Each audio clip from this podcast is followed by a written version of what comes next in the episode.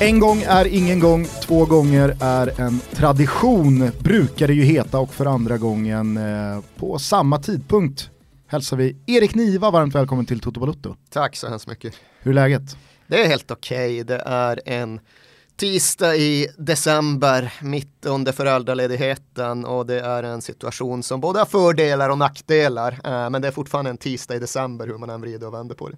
Vi kommer eh, tillbaka till det alldeles strax. Jag måste bara eh, säga det till Thomas att visst känns det lite som jag inledde? En gång ingen gång, två gånger en tradition. Och visst känns det härligt att vi tillsammans med Erik summerar året som gått i Toto? Nej men verkligen. Eh, också en av de mest uppskattade gästerna som vi har här. Nu eh, vet ju Erik om det. I, i de här svängarna eh, med den målgruppen som vi har så, så är han stark, bland annat i den. Eh, och vunnit flera guldsköldar och så vidare. Eh, så eh, det känns bra att ha dig tillbaka, det känns roligt. Känns bra att kunna göra folk besvikna, det är alltid en bra utgångspunkt att starta på. Men på det temat, du har tagit dig hit idag från, du är kvar i Gröndal. Oh ja, oh ja. Och du har tagit dig hit till eh, Vasastan, eh, Kungstensgatan.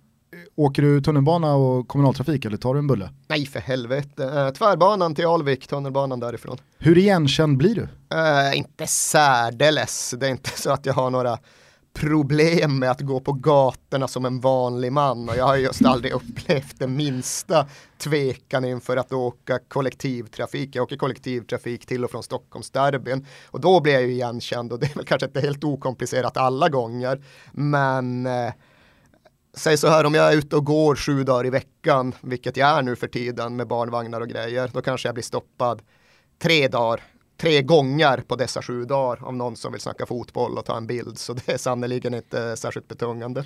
Vad är liksom eh, genomsnittet, vad är median eh, samtalsämnet när någon stannar dig? Median samtalsämnet är kan jag ta en bild, vilka vinner Champions League? Där någonstans brukar man väl både börja och sluta uppriktigt. Vad säger du då? Eh, jag säger Tottenham, jag säger Tottenham och ja då, vi tar bilden. Vad är, vad är det absolut sjukaste någon har dragit fram ur, kanin, ur hatten? Alltså det, och det här är det, det absolut sjukaste att det har hänt mer än en gång, men det hände senast bara för en månad sedan ungefär uppe på skolan där min åttaåring går. Jag hämtar honom, Eh, vi knallar därifrån, på vägen så är det en kille från eh, en annan förälder som stoppar mig. Han har barn i, tror jag, en årskurs högre upp. Han bara, du, fan vet du vad jag fick göra häromdagen? Nej, jag träffade en kollega till min fru och den familjen hade precis fått barn. Jaha, vet du vad de döpte barnet till? Nej, Niva. Va? Vad va, fan menar du liksom? Uh, och att ta det därifrån, det är ju inte helt okomplicerat. Men det hade tydligen hänt. Och det har tydligen hänt mer än en gång som sagt. Jag har i alla fall nåtts av den informationen mer än en gång. Jag har fått bilder på folk som har tatuerat in mitt efternamn och det är så jävla surrealistiskt så att det överhuvudtaget inte går att ta på. Kan du, eller hur hanterar du det? Nej, jag tar ju inte det? in det, jag släpper ju det och jag förutsätter någonstans att det finns någon annan lingvistisk förklaring i botten. Att det kan väl vara en liten kul släng så här och få med det även till mig, men det finns säkert något annat där inne. Det är någon som har släkt i Tornedalen och vill återknyta till den eller något. Jag vet inte, men nej, i grunden så tar jag inte in det. Det är liksom det enda jag kan göra känner jag. Vi, Vi pratade ju om eh, Niva efternamnet förra vändan du var här. Gjorde vi det? Ja, Jävlar, men du var inne på att eh, vissa uppifrån där du kommer vill få det till att det, det ska vara Niva. Jajamän, men det är de med finska rötter generellt Just sett. Eh, medan de som går hela den etymologiska vägen tillbaka till det ryska ursprunget inser det långa i-ets eh, överordning i sammanhanget. Men fin finns det någon eh, beskrivning av namnet sådär? Att eh, ja, men det betyder, ha, eh, vad, vad, vet jag? Eh, det betyder tydligen forsnacke på finska, whatever the fuck that is. Liksom. Vad är en forsnacke? Men det ska det göra. Okay. Och sen i Ryssland så är det väl mer bara av ett namn, där är det mer Johansson tror jag. Det finns Ladan Iva och det finns ju Floden utanför Sankt Petersburg heter Neva eller Niva beroende lite på hur man translittererar och håller på. Uh, men där tror jag inte det har någon egentlig betydelse. Utan där någon slags bara... flod ändå, där finns ju kanske vad vet jag, djupare förklaring det känns, spontant, det känns spontant inte som att du sitter inne på en forsnacke. alltså jag är ju från inlandet, jag kommer ju från en plats i Sverige där vi fan inte såg vatten på 18 år. Vi har, visst vi har Vassara älv, men det är inte mycket tryck i Vassara älv jämfört med Torne älv och Kalix älv och de andra älvarna där uppe. Så nej, jag är inte så forsig av mig, det kan jag inte påstå. Men vad fan, vad, i Slovakien häromveckan med mitt kompisgäng och plötsligt pitchar någon jävel in att vi ska på forsränning på lördag förmiddagen. Jag var inte den som först signade upp mig på forsränningen kan jag meddela. Nej, då kan man få sån här forsnacke. Nej, för helvete. Man vill inte få sån här forsnacke.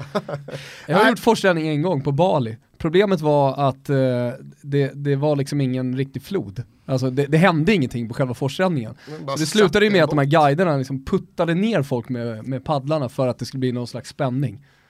Ja. ja, det var inget kul. Kändes mellow. Ja. Svag anekdot. Ja. Jag tycker eh, inte att det är speciellt konstigt i alla fall att du inte minns att vi pratade om ditt namn senaste gången du gästade oss. Det var ju en fyra och en halv timmes sittning där Niva bara stapplade ut helt eh, vimsig efteråt. Ja, då var jag fan ömt, omtöcknad. Det kommer jag ihåg att det, det var väldigt lite syre kvar i huvudet när vi väl var klara. Det är verkligen så att jag kanske inte kommer ihåg att vi pratade om mitt efternamn, jag kommer knappt ihåg att vi summerade fotbollsåret heller. Nej. Jag minns att vi pratade om en jävla massa saker, men det där att det var den stora uttömmande och heltäckande årssummeringen. Det är knappt att jag kan framminna det i huvudet. Så var det i alla fall och den här sittningen mynnade ut i eh, två stycken avsnitt. Ett avsnitt som heter Erik Niva där det mer handlar om Erik och det är faktaruta och hela balunset. Det kan man ju gå tillbaka till och lyssna till om man vill och inte har hört det. Och sen så var det ett avsnitt som heter då 2016 och det här avsnittet ska bli då väldigt passande 2017.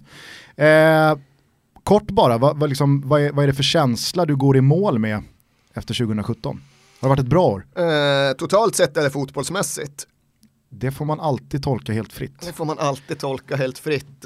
Eh, jag kan ju väl börja med att eh, brasklappa mig lite grann och poängtera det faktum att jag varit föräldraledig från mitt ordinarie jobb i ganska prick ett halvår nu så jag är ju inte lika fotbollsmarinerad som man bör och brukar vara så här års. Eh, men det är väl egentligen det man kan säga om ett år i stort. Fotbollsåret är för mig alltid uppdelat i liksom två segment. Dels är det det generella året och dels är det Tottenham-året.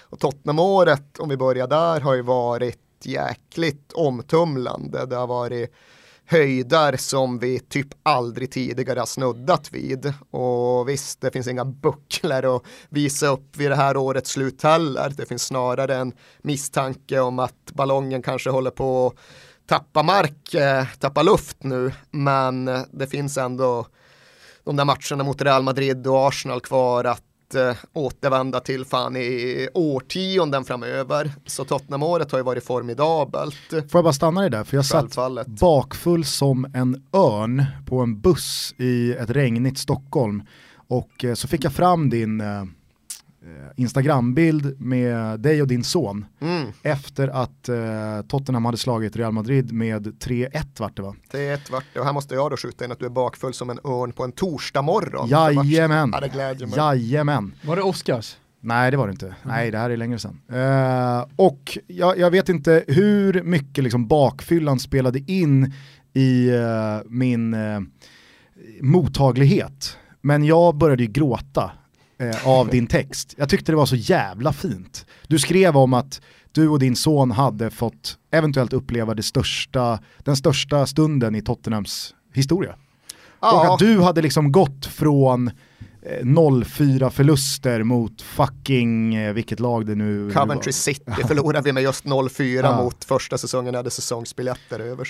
Och att du hade fått ta hela den långa resan och att din son nu var med dig när det var, verkligen var andra änden av spektrat. Ja, det var ju jävligt eh, speciellt mycket av den anledningen. Det blev liksom något annat för det finns de där två matcherna som på något sätt eh, knyter ihop och binder samman det som har varit ett extremt bra Tottenham-år. Dels då derbysegern hemma mot Arsenal i våras när det för första gången då, eller när det underströks att vi för första gången på mer än 20 år skulle sluta före Arsenal i tabellen. Och den var oerhört emotionell för mig också, för det är ju ganska exakt de två det var 95 senast och jag flyttade till London och skaffade säsongsbiljett 97. Så det är verkligen under hela den här tiden som jag har varit eh, Eh, som mest engagerad och närvarande och intresserad och eh, lidande. som vi aldrig någonsin har lyckats kravla oss förbi Arsenal i tabellen. Så när vi faktiskt gjorde det och när vi gjorde det under den matchen som blev min sista på det gamla White Hart Lane så var det också sån där cirkelslutning och det var också en känsla av att eh, allt knyts ihop och historien hinner ikapp och vart tar vi vägen härifrån. Då låter det som att det var så stort som man kanske hade gått och byggt upp att det skulle bli. Ja, det blev det så. Det blev ske. inte så här att jaha, nu gjorde vi det, var det inte mer än så här, vad gör vi nu? Utan det var verkligen så omvälvande som 22 års längtan borde ha gjort det till. Men sen kom ju också den där Real Madrid-matchen som blev omvälvande och omtumlande på ett annat sätt just för att Hugo var med. Och jag vet ju att det finns många som kan relatera till det där. Du eh, påverkas trots att jag inte tror du har några egna barn ännu va? Icke. Men det är ju jäkligt många som... Han ska få 2018, man, eller ska bli gravid 2018. Är man bakfull som en örn på torsdagsmorgnar då har man inga barn. Nej men att det går att relatera till även för de som inte har barn det här med liksom fotboll som brobyggare mellan generationer, man liksom tar arvet vidare på något sätt. Man hör ekorna från förr och man ser den framtid som ska komma. Det finns något jäkligt starkt i det där att föräldrar och barn, eh, att man tar med sin son eller dotter på en match och på något sätt eh, bokstavligt, bildligt kan förklara inte, eller inte förklara, man kan visa, man kan visa upp varför det här är så viktigt för en själv. Och att det är blir det, det var ju för Hugo har varit med tidigare, han var med på Crystal Palace hemma 1-0 i 86 minuten. Och det var någonstans tur det för det hade känts oerhört skevt att börja med Real Madrid hemma 3-1 på Wembley inför 85 000 i Champions League. Men stor, fantastisk, monumental kväll. Och Hugo pratar redan om det sådär att han liksom lite längtansfullt pratar om tänk om 30 år när jag har egna barn, då ska jag berätta att jag var på Real Madrid-matchen. Och det har han ju fog för, för om 30 år kommer vi fortfarande prata om den där jävla Real Madrid-matchen. Men du säger att du har varit, eh, alltså inte lika fotbollsmarinerad eh, under, ja, nu när du har varit föräldraledig. Har det gett någonting annat? Jag frågar delvis eh, för eh, egen del för att jag är nyfiken och filar på någon egen eh, föräldraledighet under 2018. Men, men alltså har, har, har, har det också kunnat gett någonting att, att ta ett kliv bort Alltså för mig är det förmodligen nödvändigt. Jag tror att så är det kanske för rätt många andra. Men jag har jobbat nu med mer eller mindre samma sak i ungefär 15 års tid och som ni vet bättre än de flesta andra så tenderar det att bli intensivt. Man är uppe i det och det pågår och det snurrar hela tiden och det räcker att egentligen bara vara borta från banan över en helg så känner man att man har kunskapsluckor som fan tar veckor att fylla igen.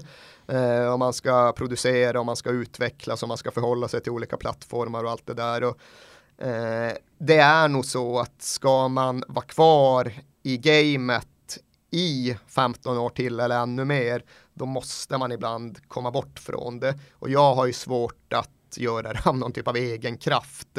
Jag kan inte bara säga att ja, men nu tar jag det lugnt i ett par tre månader. Nu tar jag sommarsemester och sen kommer jag ut på andra sidan och är helt recharged. Så funkar det inte för mig utan jag är precis lika inne i det då ändå. Det här blir ju det närmaste jag kommer just den där andningspausen. Det är inte så att jag är helt avstängd, det är inte så att jag slutar följa med, det är inte så att jag struntar i att kolla på Spurs.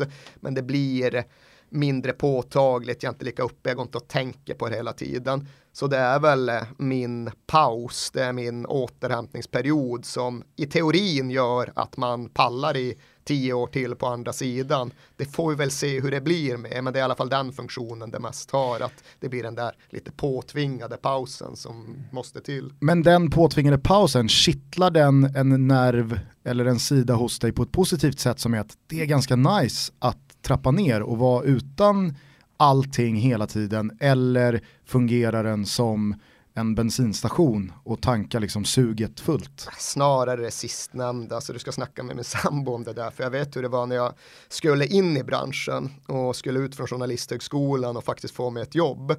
Då pratade jag hela tiden med henne och med flera andra just sådär om att fan, en anställning, det är allt jag behöver och får jag bara en anställning då jävlar kommer jag ha så skön balans i livet och så skön distans till det jag håller på med. Då kommer jag inte behöva jaga lika mycket längre utan då ska jag minsann flippa upp fötterna på bordet och luta mig tillbaks till fåtöljen och sen ska jag göra det som krävs av mig och sen ska jag stämpla ut och ha ett gött balanserat liv. Eh, och det där återkommer hon till rätt ofta att fan du har haft din anställning nu i rätt många år och jag ser inte riktigt de där fötterna på soffbordet som du eh, la upp för. Eh, och i grund och botten vill jag väl inte ha det förhållningssättet till det här jobbet. Det vore en helt annan sak ifall det bara var ett vanligt kneg. Det är väl det också som, som gör dig till den du är? Ja, ja, ja så är det nog. Att, eh, ja, ifall, det hade inte funkat för mig tror jag. Att hade det blivit så att nu vill jag gå in i det på trekvartsfart, då hade det inte blivit bra då hade jag tappat engagemang och hade blivit ännu sämre. Då hade den spiralen satt igång. Och det är väl det man ska vara jävligt vaksam på. Att när man börjar känna på det sättet då kanske det är lika bra att kliva av karusellen innan någon stannar en för en. Eh, men just därför så är det väl snarare det där att eh, ah, det fylls på med någon typ av bränsle och man känner lite otåligt att snart vill man in i ringen igen snarare än att bara ah, jävlar det vore skönt att aldrig göra något mer i hela livet. Men jag pratar på det sättet nu också när jag går hemma så säger jag att ah, snart börjar det vara dags att fejda ut och skaffa sig något jävla hus i Spanien och i grund och botten inte jobba särskilt mycket alls utan kanske göra någon frilansgrej här och där och gå in i ett helt annat tempo. Och precis som jag trodde på det när jag pratade om att jag skulle lägga upp fötterna på bordet när jag fick en anställning så tror jag rätt mycket fortfarande på det att äh, det är strax dags att skaffa sig ett eh, nervarvningshus i Spanien. Men samtidigt känner jag också mig själv så pass väl att jag inser när det är självbedrägeri. Gillar du Spanien? Ja, jag gillar Spanien, det är absolut. Jag gillar framförallt norra Spanien det är någonting med det där att jag gillar i grund och botten alltid, möjligen Italien undantaget, den nordliga delen av landet. För där är det tufft och kargt och där är vi fan i mig förtryckta. Och det funkar nästan på alla, i alla fall europeiska länder, alla länder på norra halvklotet. Det är alltid kärvar uppe i norr, mm. som sagt med reservation för Italien. Jag vet inte om du kommer ihåg det Thomas, men för några veckor sedan så var ju Daniel Olenklint förbi här eh, på sina gamla jaktmarker, det är ju hans eh, gamla kontor som vi har tagit över. Eh, han skulle spela in spelpodden med Svanemar och så eh, stod vi och pratade och då sa han nästan lite så här frustrationsirriterat om dig att det, det är helt sjukt. Eh, det går, alltså han har inga luckor. Jag försöker liksom, jag försöker hitta någonstans där, haha, där var inte Niva bang on eller huvudet på spiken, men det är fan ta mig omöjligt. Varenda spelare har han koll på, egenskaperna är helt rätt, han kan huxla fram någon belgisk gammal keeper på uppstuds, han har koll på trenderna och laget och supportrarna. Och... Jag tror, han framförallt, jag tror han framförallt också återknöt efter en sändning, eller det var väl en rad sändningar på Viasat, för du har ju varit föräldraledig men du, du syns i rutan mm, mm. trots allt. Eh, där var någon spot on eh, eh, från, från kvällen innan, rent fotbollsmässigt. Alltså där har han ju fel, för eh, jag har verkligen inte den detaljkollen, mindre nu än någonsin tidigare. Men jag tycker ju inte heller det är så jävla relevant och det där kan jag ibland lite förundras över. Det händer att folk gör en intervju och får sådär frågan, ah, vilken är den vanligaste missuppfattningen om dig? Och det kan ju för sig känna att det finns många missuppfattningar i den mån folk överhuvudtaget bryr sig. Men när det kommer till min yrkesroll så är fan den vanligaste missuppfattningen den att ja, jag har koll på varenda jävla vänsterback, jag har koll på varenda jävla historiskt resultat, exakt varje kuppkvart från 1987. Och det har jag överhuvudtaget inte. Ifall ni frågar mig vilka som egentligen representerar Benevento så kommer ni fan inte få mycket till eh, svar på den linjen. Däremot har jag ju en idé om vad Benevento är för klubb och vart de befinner sig och liksom strömningarna runt dem. Och den där typen av liksom mer övergripande streck och penseldrag och sammanhang, det är ju det som jag alltid har sett som min grej. Men jag märker ju att väldigt många andra uppfattar det som motsatsen. Det är inte alls det övergripande och det sammanhangssättande. Det är den lilla detaljen. Det är den nördiga kunskapen. Och det känner jag ju faktiskt inte igen mig i. Samtidigt såg jag dig ta Simon Tibbling till skolan i somras i någon sån här nörd-Jeopardy. Alltså det var ju helt sjukt, vad hade du? 45 av 47 rätt liksom. Ja, det var också klippt på något sätt så att de tog bort, de tog bort en fråga tidigt. Första Ja, frågan var, sådär. Han hade också pluggat, var, va? Ja, han hade Inför pluggat det. som fan. var Nervös? Ja, han var laddad så inåt helvete och alla de där andra i u var på honom. Liksom, nu måste du prestera. Så, det, så han var helt uppskruvad Tibbling. Uh, så nej, men det är klart att jag har i alla fall haft det, jag har inte längre, men jag hade ju det när jag var yngre det där att mycket från VM 86 som var mitt första mästerskap, det fastnade ju. Eh, men återigen, ifall någon skulle börja med ett jävla läxförhör som inte rörde just de där frågorna som jag fick mot Simon Tibbling så tror jag det är ganska lätt att hitta hål. Ifall man tror att det är det som är grejen så är det jävligt lätt att spräcka den ballongen, den bubblan. Eh, men det, Är du rädd ibland för att bli synad? alltså jag är inte alls rädd för att bli synad därför det är inte viktigt för mig. Ifall någon just kommer och säger haha, du vet inte vad Sporting Gijon har för mittbackspar här och nu. Så nej, absolut inte. And jag bryr mig inte, alltså det är inte det som är min syn på jag, fotboll. jag och Gusten har pratat ganska mycket om det i, eller vi har varit väldigt tydliga med det i eh, den här podcasten som, som vi försöker göra som en väldigt aktuell podd och då blir det ju lätt att mm, liksom, ens kunskaper blir synade. Men varit öppna med det, att, alltså våra, våra kunskapsluckor och vi har inte en aning om det och det och det. Jag vet att det har pratats mycket, eh, alltså i den branschen vi jobbar i, att, att liksom, det finns ett tryck på att man ska kunna så mycket och det finns en jargong kring att man ska, man ska ha den här detaljkunskapen, att det ska vara svårt att slå sig fram om man inte har den så att säga. Eh, och vi, vi har försökt att vara alltså, ännu mer öppna med att säga, kolla här, vi har inte en susning om eh, den, det tyska laget eller vad de gör. Eh, men och framförallt så vidare. tror jag att det, det exploderade ju när Kingsley Sarfo höll hov på Tele2 i den allsvenska premiären och gjorde två mål på Djurgården och Sirius vann. Och det blev sån tävling i vem som hade bäst koll på, men framförallt vem som hade koll på Kingsley Sarfo först. Jaha, men vadå, såg, vet du inte vem Kingsley Sarfo är? Honom såg jag i Superettan i fjol med Sirius. Och ja men vadå, fick, du, fick du upp ögonen för Kingsley Sarfo i Sirius? Jag hade koll på honom redan i Ghana, alltså du vet, Absolut. den eh, det är och, och så tog jag, för jag kände igen exakt samma grej kring N'Golo Kanté. Mm.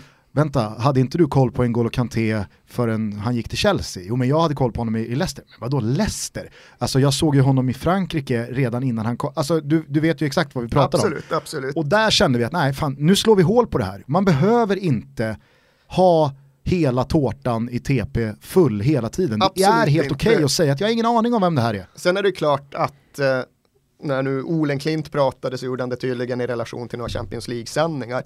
Det är klart att det finns någon typ av professionellt ansvar gentemot det forum man jobbar i att ha koll. Ifall jag gör en Champions League-sändning så är det klart att jag läser på om de relevanta Champions League-klubbarna. Eh, jag tycker ju att det i ett sånt sammanhang kan finnas en skyldighet att ha någon jävla aning om ungefär vad Karabach är för klubb, ungefär vad de kanske har för spelare därtill. Så det finns ju den liksom inläsningsskyldigheten gentemot exakt det jobb man ska utföra. Men det är ju något helt annat än det här att just ha alla bitar i TP-tårtan precis hela tiden. Det är omöjligt, det är inte eftersträvansvärt och det är verkligen ingenting som jag just är rädd för att någon ska syna mig på. Be my guest och eh, det kommer liksom inte förändra mitt eget syn på mitt arbete. Däremot så är det ju något relaterat i att jag under ganska lång tid har gått och väntat på att folk generellt sett ska tröttna på mig och det jag gör. Det sa du redan förra året Ja, också. och det har liksom varit en del av eh, liksom mitt förhållningssätt till mitt jobb under lång tid. Jag tror jag läste det i någon Guldskölden vinnarintervju redan 2012. Ja, och det var med all säkerhet en känsla jag redan hade med mig då för jag vet hur både populärkultur i synnerhet och samhälle i allmänhet fungerar. Det kommer en motreaktion, det är build them up, knock them down. Och det är ju hur man själv reagerar på vägen ner som är intressant. Och jag vet att det där kommer man behöva förhålla mig till förr eller senare när folk tycker jag tjatar alldeles för mycket om det där med liksom samhälleliga kopplingar till fotboll. Vi har hört skiten, vi är trötta på det. Nu vill vi fan, nu vill vi höra Toto-gänget snacka om sina gubbar. När liksom den reaktionen blir den eh, liksom utbredda så måste jag vara beredd på det och jag måste på något sätt kunna klara av och fortsätta jobba på det sätt som jag tycker är värdefullt ändå. Och det väntar jag ju på. Jag vet inte om jag är rädd för eller om jag är orolig för eller om jag bara konstaterar faktum. Men jag vet att där kommer jag hamna i mitt arbete inom en mer eller mindre snar framtid. Och det kommer vara viktigt för mig att liksom hantera det på ett eller annat sätt. Men alltså för mig så har du, tycker jag i alla fall, eh, personligen att du har hanterat det här med sociala medier på eh, ett smart sätt eh, och uppenbarligen också ett bra sätt. Du har, över 300 000 följare på Twitter, du har väl en 60 000 följare på Instagram. Ja, sen de eh, Twitterföljarna, det ska man ju bara skjuta in att nej jag har inte köpt några jävla Twitterföljare. Är det någon som har sagt det? Nej det är faktiskt ingen som har, men det är också ja. så jag väntar på att det kommer, för jag märker ju att alla är såklart inte äkta, det är en jävla massa krylliska mm. ägg som följer där, mm. men det är inte så att jag inte, jag har ingen aning om vart de kommer Då, då, är men, du den andra jag har hört talas om, eh, har några sådana följare, vet du vem den andra är? Jag trodde alla hade det helt Nej men jag, jag, jag, alltså, jag har inga sådana. Jag okay. har fan inga, jag har, men sen så skiljer det också 284 ja, 000 följare oss emellan. Som gör att det plötsligt jag tror att det är fler Men, men Gustav Gelin, ja, DN-journalisten, han, han har typ så här 4000 kyrilliska äggkonton som followers. Och det gjorde han en grej av på Twitter. Det tyckte jag var väldigt kul att det var så här, jag vill inte ha dem. Ja men det kommer ju på något sätt i skov, så på något sätt är det ju så att man på no aktiverar någon jävla algoritm, för helt plötsligt får man kyrill kyrilliska ägg några dröser, så får man turkiska ägg några dröser. Så ja. Och, ja. Däremot har jag märkt att många så här porr uh, invitational konton eh, retweetar eller subtweetar ja, tweets som har fått många jo, retweets. Ett halvår senare. Ja. Jag trodde att du skulle säga att de retweetade eller subtweetade dig och då skulle jag säga något spetsfundet om att aktivera algoritmer. Ja. Och nu gjorde jag det i, i undertexten ändå. Nej men det jag skulle säga är att just den här Instagram-grejen fick ju också en, eh, en förlängning, jag på att säga. Du, du, du, gjorde en grej av eh, att du då hade samlat på tröjor under mm. en väldigt lång tid och skrivit texter till det. Det mm. blev en bok och eh, det blev också en vernissage. Ja, eller vad vi nu ska kalla det. vad var det för någonting? Det var ju i grunden ett sätt att undvika det här som jag ändå någonstans går och med. För jag pratade tidigare om liksom behovet av att hitta energi i sitt eget arbete. Jag pratade alldeles nyss om väntan på att folk ska tröttna på mig. Och eh, ett sätt att försöka undvika försöka förskjuta de här mekanismerna det är ju att försöka förnya sig lite grann. För innehållsmässigt när man väl såg på de historier som berättades där så var det ju exakt samma genre som jag alltid har rört mig i. Det var fotboll och omvärlden, det var fotboll och politik, det var fotbolls och samhällsförändring, allt det där. Men den faktiska formen var en annan, tilltalet var ett annat. Det var korta texter, det var bildanknutet i och med Instagram, det var de där jävla tröjorna och det blev i förlängningen inte någon form av biblioteksföreläsning utan det blev något som vi i alla fall kallade för ett vernissage.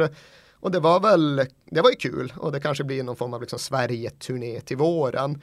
Eh, men det talade du ju väldigt varmt om när vi hördes på telefon för några veckor sedan. Ja, men just apropå det där att det är hela någonting ditt, annat. Hela ditt, du sa också, hela mitt liv har ju gått ut på att någon gång få komma tillbaks till att så här, kuska runt mellan hålorna i, i Norrland och, och ja, men, leva det livet. Återuppliva känslan av att vara 17-åring som vill åka på punkrockturné 95 för det var ju alla de, alla de jag såg upp till 95, de åkte ju runt i Sverige med en jävla minibuss och spelade på Pipeline i Sundsvall ena dagen och Café Q i Gävle andra dagen inför 130 tappra. Och det är ungefär det jag skulle kunna åstadkomma. Det är inte, det är inte för sent. Alltså, Nej, det är inte för dit jag ska nu till våren hoppas jag. Punkdunken åker med. Punkdunken åker med, punkgrytan är en mat som serveras, liggunderlag på någon jävla gympasalsgolv, 5 plus. De säger det liksom, de som har bokat, ja men vi, du har hotell här och vi har, vi har bokat liksom deluxe-rummet. Nej nej nej för fan, jag har redan löst det, det är gympasalen. Ja, det är det de nu kommer säga som, ja men vi hörde att du inte vill ha något ja, just det. vi tänkte liggunderlag liksom. Men alltså även fast eh, intresset verkar ha exploderat kring det och framförallt ditt intresse känns väldigt genuint, eh, alltså finns det någonting i det som så här, mer gör tröjgrejen för att det är någonting annat? En, eh, än är tv just- och skriva. Ja, ja, jo, nej, men det var, alltså i grunden var ju det där, vad fan, vad ska jag göra av Instagram? Jag hade ett Instagramkonto eftersom att jag någon gång ville använda hashtaggen jag är sladjan, det var enda anledningen till att jag hade ett Instagramkonto. Men när jag hade använt hashtaggen jag är sladjan så var frågan just vad fan jag skulle göra därefter. Och det stod jag och stampade mig flera, halvannat år och sen utkristalliserade sig den där tröjgrejen mer och mer. Jag gjorde det någon gång och sen växte det. Men eh, i huvudsak har du helt rätt. Det var för att det var ett, något annat. Det var ett annat tilltal än tv och skrivandet. Det var liksom en helt annan form och det var det viktigaste med det. Och återigen, det var framförallt för att just undvika den där känslan av att tröttna på sig själv. Att andra tröttnar på en, det är svårare att kontrollera. Men att man inte ska tröttna på sig själv har man någon typ av eget ansvar för. Och där var det viktigt. Vad, vad, vi har ju våra dyrgripar här på Casa Toto Balutto. Eh, vad gör eh, Antalyaspor och Wagner Love på ryggen med dig? Eh, Skulle den locka? Alltså, det gör den ju absolut. Eh, Wagner Love lockar ju fantastiskt mycket i sig. Antalya spår är väl... Givetvis buren av honom också Jo, i nej, match. men det, det är ju mäktigt som fan liksom. Uh, Antalya spår är ju inte en av de turkiska traditionsklubbarna, men eh, det är klart att den är tung. Det går inte att säga någonting annat. Jag känner att jag, jag vill ge den till Erik i julklapp. Ja, jag tror vi måste göra det. Alltså ska jag vara helt ärlig nu så hörde jag någonstans att det var ditåt du var på väg och jag kände att nu gäller det att inte avfärda Play den här cool. idén. Play it Ja, cool men grejen är Erik! den att jag samlar ju utifrån min egen spegling av fotbollsvärlden. Jag utgår ju från, för jag får ibland liksom, ah, tänk om du kunde få en signerad Cristiano Ronaldo-tröja, det vore något va.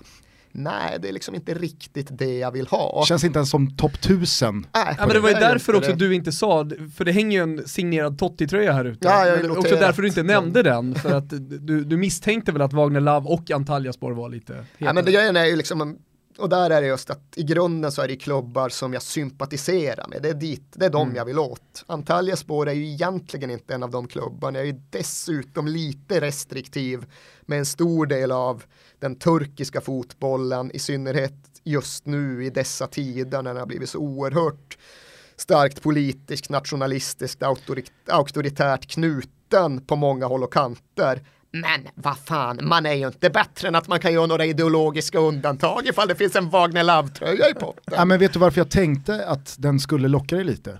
Jag ser ju Wagner Loves tröja i en turkisk klubb. Nu råkar det vara Antalyaspor, men det hade kunnat vara vilken som helst.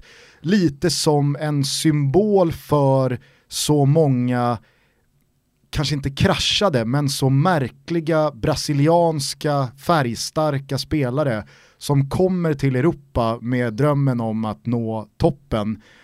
Och många märkliga val och lite sämre beslut. Så hamnar man liksom i Turkiet via Ryssland och det är frisyrer och det är, jag menar att den representerar ju en del av dagens fotboll. Absolut. som jag tror att du mer än någon annan har ett band till. Ja, det finns ju en berättelse. Den där tröjan bär ju på en berättelse. Och, Och det är någonstans, berättelse. Exakt, det är någonstans det mest centrala av allt. När en tröja gör det så är den ju intressant för mig. Och det Wagner Love är ju ändå relativt sett en jävligt, jävligt lyckad brasseexport. Det är ju extremt fascinerande att komma till något verkligt backwater i fotbollsvärlden. Något Uzbekistan eller någon Papua Nya Guinea-klubb eller någonting riktigt långt eh, vid sidan av den upptrampade stigen. Och du hittar ju alltid, alltid, alltid ett par dussin brassar i högsta ligan, i andra ligan. Det finns ju liksom brassar i den vietnamesiska tredje ligan säger jag utan att ha en aning om det stämmer men ändå helt förvissad om att det är sant. Så just den där liksom brasseexporten, brassen som söker lyckan, det är verkligen en av de stora vanliga berättelserna i vår fotbollstid. Och där funkar ju Wagner i Antalyaspor fantastisk som bild och representant. Kanske vi får ett eh, inlägg på Instagram. Jag har ju ett. Har du det? Fan, ni, Erik ni som, ja just det, du Ja, har en ja, ja. egen, Jag har en egen. vars, ja. Ja. Jag är Wilbacher. Ja, exakt. Under U21-EM. Fan vad jag inte visste hur den skulle landa. Jag var verkligen Hur landade den? Ja, den landade, alltså den, jag tänkte hur den skulle landa hos dig. Exakt, Ja, det var det. Jag hade ingen aning om du skulle gå ut, rycka ut i strid med Jaha. dragna jävla vapen. Alltså vet du vad Erik, jag tycker om dig så mycket så jag skulle aldrig rycka ut i någon slags eh, strid. Och, alltså, jag vill aldrig egentligen rycka ut i strid, men jag har en väldigt kort stubin. Så jag behöver hela tiden, egentligen så behöver jag Helena bredvid mig hela tiden eh, när jag har liksom telefonen redo, och så borde jag då ställa en fråga, eller när hon ser mina ögon, det har faktiskt hänt att hon säger så här, du ser så sammanbiten ut, du ser nästan svart ut i ögonen, vad är det för någonting? Eh, och, eh, sen om jag då andas i 5-10 minuter så, så kommer jag över det. Eh, Gusten hjälper mig också väldigt mycket med det här. Ja, men, eh, det jag- det vi pratar om här, ifall någon har missat det, så under u em i somras så skickade Erik ut en video på sin Instagram som var en korsklippning mellan dig själv när du gick och vattnade lite blommor och nynnade på kanna på-ramsan. Och så, så korsklippte sig då mellan en ganska så igångeldad Thomas som stod då och skrek, sjöng samma ramsa med svenska fans på ett torg. Det var ju väldigt liksom, det var en stark video. Mm, men, men, men det var intressant att du sa, jag visste inte hur den skulle landa, för att eh, när jag pratade med kollegor under U21-EM så sa de, ja hur tog du det här? Och när jag såg den så blev jag ju glad när jag såg videon och tänkte, det här var ju fint eh, av Erik. Men att någon då kanske eventuellt såg det som ett litet hån eller, eller så. Var det så du tänkte när du sa att du visste inte hur du skulle landa? Ja det var exakt så jag tänkte för jag visste inte hur du skulle uppfatta det. Och, Jag uppfattar det som, som någonting ja, det var ett vackert. hommage. Det var ett hommage. Ja, det var men ja, det finns mycket att säga om den. Jag vet, ska vi lägga fem minuter Ja, på? Ja, okej, det vi ska det. Alltså.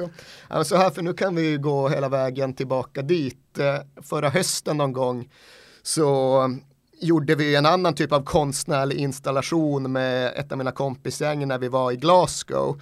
För det var ju precis efter att ni hade hamnat i ett annat karriärsläge eh, knutet till den där Micke Lustig-sången som jag inte tror att jag behöver förklara för era lyssnare längre. De vet vad det är. Ja det tror jag nog. Men då kände vi ju att vad fan gör man är i Glasgow? Ja men då skickar, då sjunger man ju Micke Lustig-sången. Så vi gjorde ju en kollektiv inspelning av den och skickade, jag mässade den till dig som även där ett hommage och någon form av liksom sympatihandling. Men det här är också någonting, ja vad fan då finns den där ute och det är tydligen något som man kan, eh, något som man kan bli av med jobbet för i eh, vissa mediekretsar.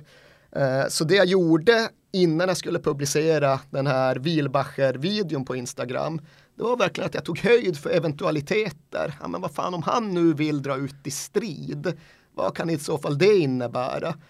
Ja, det finns ju en video i deras sfär där jag står ganska igångeldad och skanderar den här Micke Lustig-sången som tydligen är så kontroversiell. Kan det vara ett problem? Kan den användas emot mig? Ja, det här måste jag fan, det här måste jag ta höjd för. Det här Fan, måste... hade du inte mer magkänsla än så för att vi är ju polare liksom? Jag var inte säker, jag var inte säker. Och jag kände inte att den, lite. jag kände inte att den osäkerheten var värd att avstå publicering för, för jag tyckte det var roligt. Nu är ju Wagner. Love-tröjan på väg att liksom återkallas. Nej, men det kan det inte göra. Men jag gjorde i alla fall det att jag kollade med berörd chef på Viasat. Fan, nu skulle det här teoretiskt sett kunna hända. Teoretiskt sett skulle den kunna liksom distribuera en uh, luddig Glasgow-film Det här är ju med en- superintressant. med en Micke Lustig-sång. Skulle det genuint kunna vara ett problem? Det kan det väl inte? Nej, vad fan, det kan det ju inte. Ja, men då så, då är det, då är det bara ut med Wilbacher-filmen. så det fanns ändå en preproduktionsprocess där som var komplicerad och mångfacetterad. Nej, men jag tror nog att eh, man inte heller ska underskatta det som skedde eh, på det där poolpartyt i Toulouse som någon slags prejudikat i vår bransch. Ja, men bevisligen så kunde det ju ha den typen av konsekvenser. Det är ju inte, det är ju ett konstaterande. Ja. Sen bjöd jag Erik eh, med kollegor på lunch, var det före eller efter? Eh, bra fråga, nej det var före tror var jag. före? Ja, jajamensan, det var före. Framförallt så svarade du ju på videon med att liksom, köra den här ramsan med dina döttrar och det. hockeytackla dem. Ja. Ja, den var, den var en snygg, eh, snygg uppföljning.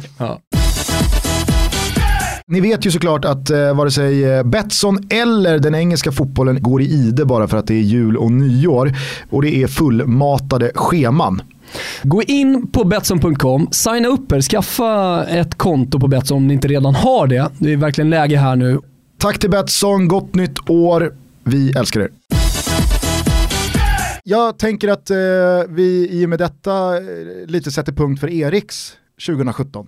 Det gör vi helt rätt i. Eh, Och- mi- Min fråga då, Ja. eh, den, den som eh, kanske vi har svarat på under den här långa stunden, men, men liksom har, har eh, föräldraledigheten gett dig ett, vad vet jag, ett, eh, ett annat perspektiv? Eller har, har det gjort någonting med dig? Förutom den här bensinen som Gusten pratade om.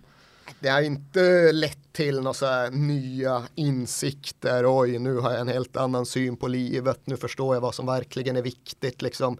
Den typen av berättelser som ofta kommer, det liksom, allt det där kan jag väl någonstans känna att det hade jag redan klart för mig. Det är klart att jag också fattar att jobbet inte är allt och att tid med nära och kära ska värderas högre än allt annat. Men i grunden så har det inte förskjutit mina perspektiv på något eh, övergripande sätt den här gången heller. Det har varit sjukt viktigt givetvis att ha den där tiden med dottern för att knyta an till henne. Men därutöver så är det som mest händer att man blir lite man blir, inte, man blir lite kreativt utvilad, man blir trött på ett annat jäkla sätt, men man blir lite kreativt utvilad, man blir lite mer sugen på att jobba igen, man kommer tillbaka med lite större energi. Det är nog i grund och botten det som har hänt med mig, det är inte så att jag har fått några andra liksom uppvaknanden egentligen, det kan jag inte påstå. Ja men bra, då, då vet jag inför min egen föräldraledighet ungefär vad jag går in. Du kommer, Du- al- du kommer aldrig vara föräldraledig. Jo då. Nej. Nästan fan, det är väl, 18. du är tre barn, någon gång har du varit föräldraledig. Jo det har jag varit, men det var ju innan jag och Gusten lärde känna varandra. Ska vi eh, fokusera lite på vad som hänt i fotbollsväg detta 20 år? 2017. Ja, exakt. Eh, för nu är vi här precis, igen. precis som eh, förra gången när vi skulle summera 2016 så tänker jag att vi låter det vila på fyra fundament och sen så har jag även förberett lite så här rubriker från året som jag själv har satt ihop och så tänker jag att du får reagera på dem.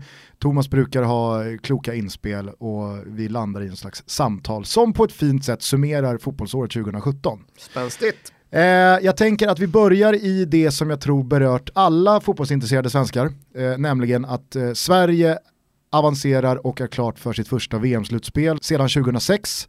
Ett på förhand väldigt utdömt landslag med en ny förbundskapten överträffar allas förväntningar och tar sig inte bara via en tuff grupp utan dessutom via Italien i playoffet till det här VM-slutspelet. Vad gjorde det med dig?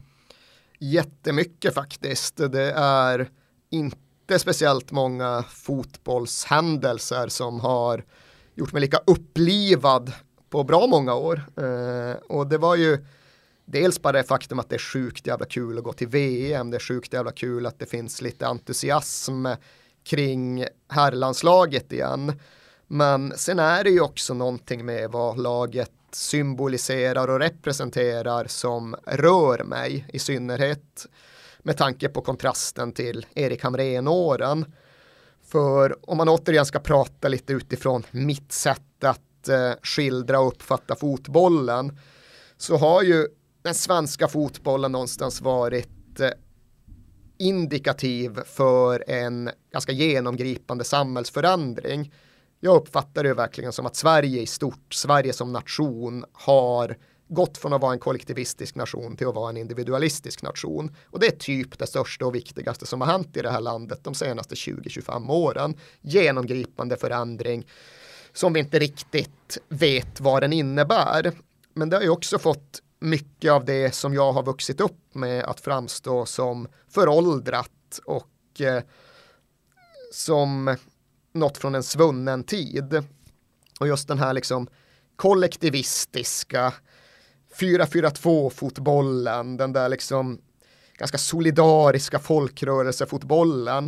Det är ju den vi kommer ifrån. Men vart fan ska vi egentligen ta vägen? Vi famlar alltjämt med det där, både i det enskilda lagbygget och med hela den svenska fotbollen i stort. Liksom. Vi kan inte liksom räkna med idrottsplatsen längre. Nu ska allt bolagiseras och kommersialiseras och eh, göras till eh, konkurrenskraftig företagsverksamhet på ett internationellt plan. Allt det där, allt det där. Ställer du upp på att Zlatan Ibrahimovic har varit ansiktet utåt för den förändringen? Han har varit den enskilt viktigaste personen i denna förändring och nu pratar jag inte bara inom den svenska fotbollen utan nu pratar jag Sverige i stort. Han har varit den viktigaste personen i Sverige de senaste 20 åren och det är på gott och ont med allt vad det innebär men det är tveklöst så.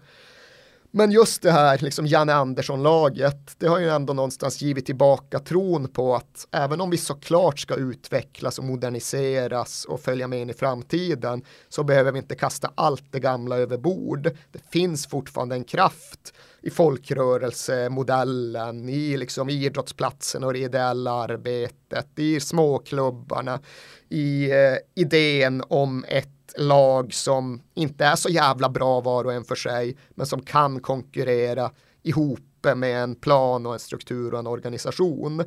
Och det är det som är så jävla hjärtvärmande. Jag tror det är många som känner igen sig i det, även om de kanske inte sitter och pratar på det här pretentiösa sättet. Men jag tror att det gör att jäkligt många har lätt att knyta an till det här laget och känner lite starkare för det därför. Tror du vi har underskattat betydelsen av att ett landslag i fotboll i Sverige ska ha de här egenskaperna? Det liksom ska ha och ska ha, det finns inget egentligt egenvärde i det, det finns mest symbolvärden, de är ju för sig inte oviktiga, men det är ju en fara i att fastna i det här, för det är en jävligt tunn linje innan man sitter och pratar om att ah, ja, ta oss tillbaka till folkhem Sverige. Vi tror inte riktigt på det här nya landet. Vi är rädda för allt nytt och vi gäller både på och utanför planen. Men jag tror ju att det fanns någonting under Erik Hamrens tid som skapade liksom en disconnect, vad man nu säger på svenska, liksom, det var svårare att gå hem i stugorna för stugorna kände inte riktigt igen sig. Eh, varför det var så, hur det blev så, vilken, vem eller vilka som hade skuld i det, det går att snöa in i. Men jag tror just att ska man verkligen ha det där landslaget som får Sverige att sluta upp bakom det, då är det nog bra ifall folk uppfattar det som ett jävligt hårt arbetande, uppoffrande kollektiv, för det går absolut hem i stugorna alltjämt.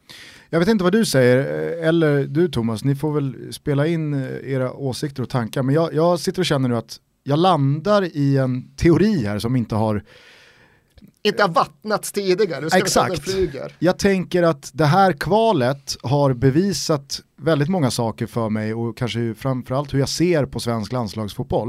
Men jag tror att det du är inne på, ett individualistiskt lag kontra ett kollektivistiskt lag, gör också att man som supporter eller svensk eller person som följer det här landslaget har en annan syn också på resultat.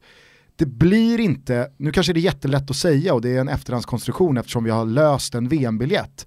Men någonting i mig kände i höstas att det spelar ingen roll ifall vi slår ut Italien eller inte.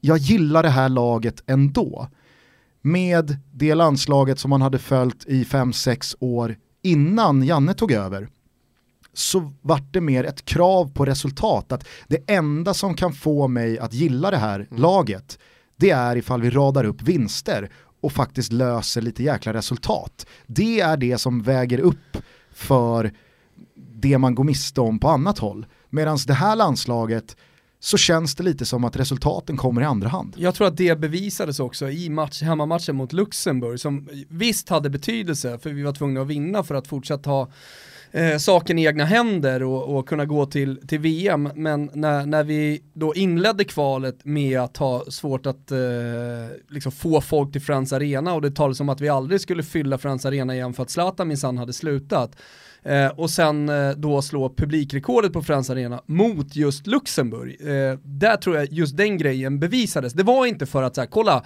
nu ska jag komma dit, heja fram det här landslaget som har möjlighet att ta sig till VM, utan det var, de, de här vill jag gå och se, tror jag. Ja, eller det faktum att den matchen som jag tror flest går tillbaka till under det här kvalet är en förlust, Frankrike alltså Frankrike borta. borta ja, ja, som, det var den matchen, där liksom vände det.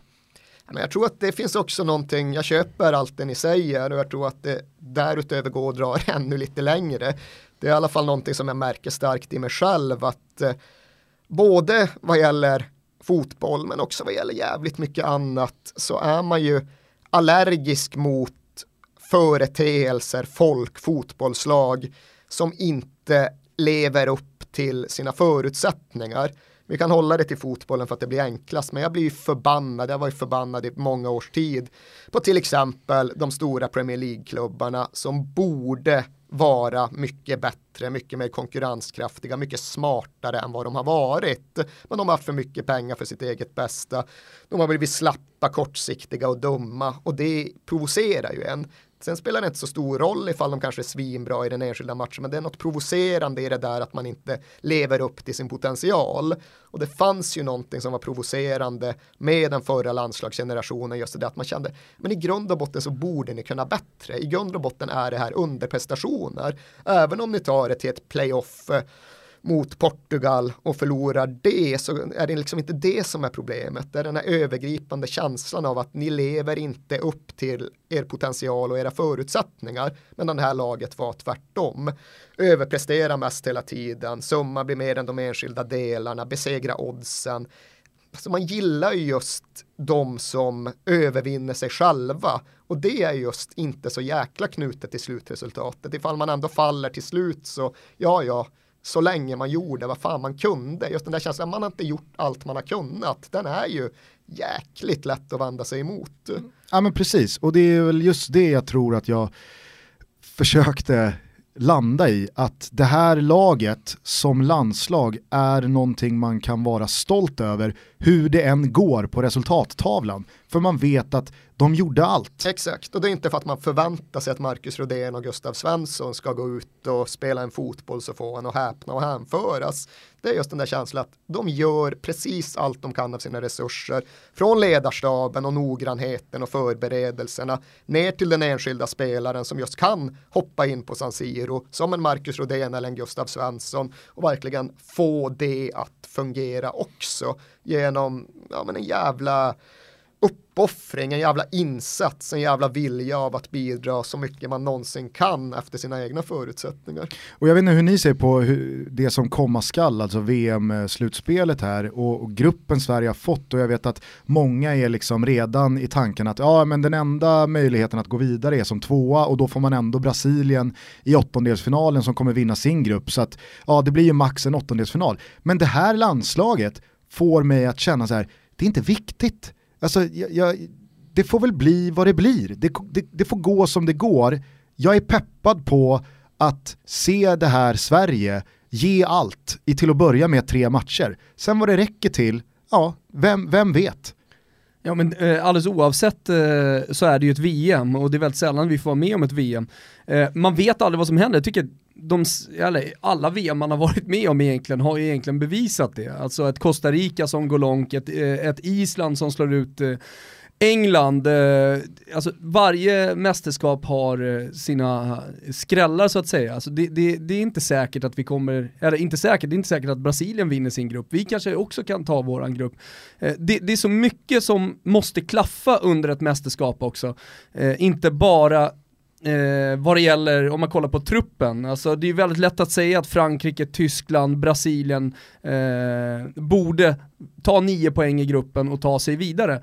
Men jag vet inte, jag känner i alla fall det om man jämför med klubbfotbollen, att just eh, landslagsfotbollen eh, kräver så mycket mer. Eh, just det här som du var inne på också, att allting ska klaffa, alltså från ledarstaben hela vägen ner till den svagaste länken. Eh, och det kokas alltid ner, tycker jag, till, till någon slags essens just, in just i mästerskapen. Ja, precis Och, Och det är ju just det som gör landslagsmästerskapen så tilltalande alltjämt. Att kontrasten blir bara större och större jämfört med klubblagsfotbollen som ofta är jäkligt maskinell och där funkar det kanske att sitta med de där slutspelsträden ifall de hade funnits och liksom lag A borde vinna så då gör de det och så får möta lag D som borde vinna och då gör de också det. Men dels är ju inte landslagsfotbollen ja, lika ekonomiskt styrd men därtill är det ju också någonting med den här komprimerade tryckkokaren som ett mästerskap är. Det är liksom tre matcher på väldigt kort tid och det är skador, det är avstängningar, det är ett resultat som kastar allt över ända. Så just den där matrixen, den kommer ju inte att kunna förutspås mm. på alls samma sätt. Det kommer, shit's gonna happen mm. och man kommer bli förvånad och man kommer bli överraskad och det är ju också, det enda man begär av ett landslag är att det gör sitt yttersta utifrån sina förutsättningar. Det enda jag begär av ett mästerskap, det är något som att jag ska bli överraskad. Ge mig något kul, något mm. eh, som jag inte trodde skulle hända, något som är värt att minnas. Ett Tim Cahill-mål? Ja, ett Tim Cahill-mål är alltid, ifall den volley ribba in så blir man ju lite mer överraskad än om det bara är den där nicken som man vinner och drar ut och boxar hörnflaggan. Men han lär ju spela och han lär ju göra mål. Men just det där liksom, ordet du använder, förvänta sig och begära. Det är väl där jag känner är den stora skillnaden på det här Sverige och det tidigare Sverige. Att man kunde, man kunde liksom inte begära eller ens förvänta sig av Sverige att nå någon slags, ja de gav i alla fall allt. Men det kan man göra med det här landslaget och det är det enda jag begär av ett svenskt landslag i fotboll. Ja, jag skriver under på det, verkligen. Vad har Janne Andersson gjort för resa i ditt medvetande senaste två och ett halvt åren? Jag tror att det är samma sak för mig som för i praktiken alla andra, kanske med undantag för de som jobbat allra närmast honom. Men för två och ett halvt år sedan då uppfattade man ju honom som en bra jäkla kille, kul person att eh, lyssna på, en väldigt kompetent eh, fotbollstränare från föreningssverige, men kanske inte sådär jättemycket mer än så. Gedigen allsvensk tränare som skulle riskera att hamna i ett läge där han mer och mer fasades ut för så tenderar ju fotbollens generationsväxlingar att fungera. Och från den punkten har han ju sannerligen inte fasats ut. Från den punkten har han moderniserat sig själv och synen på sig själv på ett eh, himlastörtande sätt. Först då det Norrköpingslag han byggde, den fotboll de spelade, det guld de vann. Och sen då det här på en nationell, internationell nivå. Nu är han ju, nu är han ju het, nu är ju himlen gränsen. Nu ska han uh, köra det här med landslaget i några kvalcykler, men sen är det bara ut och välja jobb för Janne Andersson på den stora scenen. Men är han en anomali eller ett undantag som bekräftar regeln, eller visar Janne Andersson att man behöver inte vara 33 år och ha tränarutbildat Nagelman. sig sedan man var 17 eh, Eh, och man är inspirerad från eh, internationella skolor och kommer med massa nymodigheter och man ser på fotboll på ett helt annorlunda sätt. Visar Jan Andersson att det inte behöver vara så komplicerat? Han visar ju framförallt att det är aldrig för sent att sluta utvecklas. För det går ju att eh, reservera sig även mot det sättet att prata. Det finns egentligen inga nyheter i fotboll. Allt är bara upprepningar. Allt är bara hjulet som går runt. När de pratar pressspel så tittar de minsann på exakt samma saker som de gjorde i Malmö och Halmstad på 70-talet. Det köper ju inte jag, utan jag tror ju på att det finns en reell utveckling. Jag tror också att det är svårare att eh, vara med och driva på den ifall man är 55 jämfört med om man är 35. Så det finns absolut en fara i att eh, bli en sämre, mindre relevant fotbollstränare som 55-åring. Och det är ju främst det som Jan Andersson eh, ger ett starkt argument mot Eh, han har klarat av att fortsätta utvecklas, fortsätta bli bättre. Han är en annan typ av fotbollstränare idag än han var för fem år sedan. Och det är möjligt att han själv skulle reservera sig mot den beskrivningen, för han är ju jäkligt inne på att allt minst han ska vara som det alltid har varit. Men jag är övertygad om att han har både utvecklats och blivit bättre. Och det är inte alla som klarar av det i hans ålder. Kanske i synnerhet inte ifall man liksom har en bekväm tillvaro och tenderar att sorteras in i ett fack utifrån. Men det var ju till exempel Alex, Alex Fergusons absolut största styrka som fotbollstränare. Man kan prata om hans sätt att vråla i omklädningsrum hur mycket man vill. Det som verkligen var nyckeln i honom och hans sätt att bli långlivad och framgångsrik över tid, det var ju hans förmåga att hela tiden fortsätta utvecklas. Han fortsatte utvecklas när han var 70. Eh, det går att diskutera huruvida Arsène Wenger gör det eller inte gör det. Men jag tror just att ska man verkligen klara av att bli framgångsrik över lång tid, då kommer det där bli viktigare och viktigare.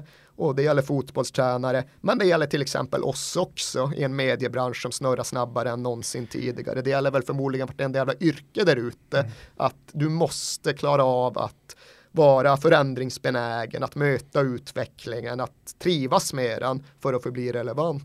Ja, det där kommer jag ihåg, jag läste en intervju eh, precis i slutet av hans tid som aktiv manager för United, alltså Alex Ferguson, där han pratade om att på, på den här nivån så handlar det inte jättemycket om att utvecklas för att få bättre snurr på ett pressspel eller en formation i eh, hur du stänger ner ytor utan för mig kan utveckling vara att jag förstår Instagram mm. och vad det gör med mina 22-åringar, varför det är så viktigt för dem, mm. eh, vad, vad, det betyder för 20-åringar i världen. Det påverkar ju hur mina spelare presterar och därför måste men, jag och, förstå Instagram. Mm. De, dels det, eh, alltså, men, men, det kan ha varit en Niva-text, jag är inte helt säker, men Eh, förmodligen. Ja, för, förmodligen. Men, men, när man byggde om sin träningsanläggning och började anpassa sig till det här betydligt hårdare spelschemat som Champions League, ligaspel, kuppspel och allting innebar, så, så byggde väl Alex Ferguson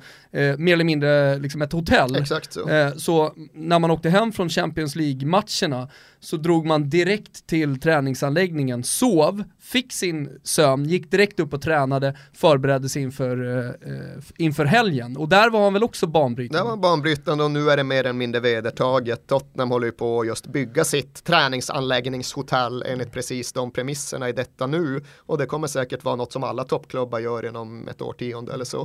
Uh, så det är så jäkla mångfacetterat och det går att liksom exemplifiera med de minsta detaljerna och de största penseldragen. Men jag tror att det är helt jävla avgörande, framförallt för personer inom form av ledarskapsbefattning, att fortsätta utvecklas. Och det är så jävla lätt att säga och så jävla svårt att lyckas med. Får jag bara fråga som en parentes här, var känner du uh, att Mourinho befinner sig uh, i, i den bemärkelsen? Jag känner att han är en av dem som har allt svårare att lyckas med detta.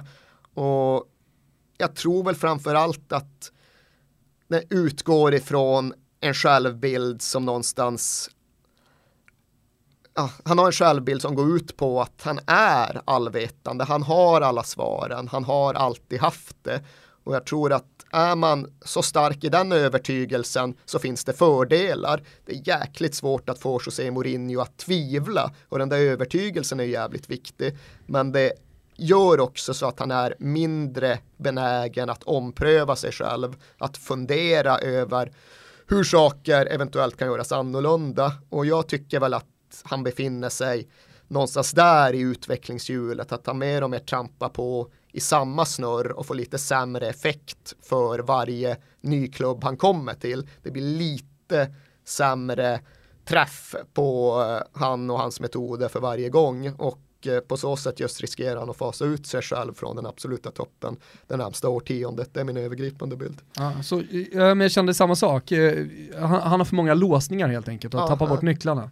Eller slängt dem medvetet. Ja, väl formulerat. På något sätt så lyckades vi alltså avsluta segmentet om Sveriges VM-avancemang. Det var en parentes. Ja, jag, jag, jag tyckte det bara var kul. Mm. Alltså, men ska vi stänga... Men känner att han, han också är den tränaren just nu som kanske står och stampar mest i, i, i de största klubbarna. Alltså Wenger är ju jävligt ja. intressant att fundera kring för han har ju alltid varit så tydligt förändringsbenägen. Och han är nog fortfarande förändringsbenägen, han är sjukt nyfiken och han tar ju input från alla tänkbara samhällsfält. Men jag tror ändå att han liksom han tar den där inputen men sen så är han fast i sina låsningar och sina övertygelser. Och det är väl just det där att alla människor har ju sina grundprinciper som kanske är mer eller mindre omöjliga att rucka på. Och jag tror väl där att Wengers grundprinciper i vissa fall kanske blir svårkompatibla med dagens fotbollsvärld. Och det är ju den typen av grundprinciper som jag själv kan verkligen sympatisera med. Han har ju en ideologisk bild av hur fotbollssporten borde vara och fungera och de vill inte han gå ifrån. Men det kanske gör att han ändå får svårare att hävda sig i morgondagens fotbollsvärld för att den är så jävla hyperkapitalistisk och businessdriven. Och det faktum att han han vill inte att den ska vara så och därför vill han inte riktigt anpassa sig hela vägen. Det gör det svårt för honom att bli titelvinnande numera det där var ju en perfekt avslutning på det här första benet i 2017. Eh, för att nu tangerar du det jag tänkte komma in på härnäst. Nämligen, jag tycker att 2017 var året som bättre inom citationstecken, det är nog många som inte tycker att det är superhärligt, men eh, som bättre än något annat år visade att eh, positionerna inom toppfotbollen verkligen förändras och att de förändras på ett eh, kapitalistiskt eh, sätt.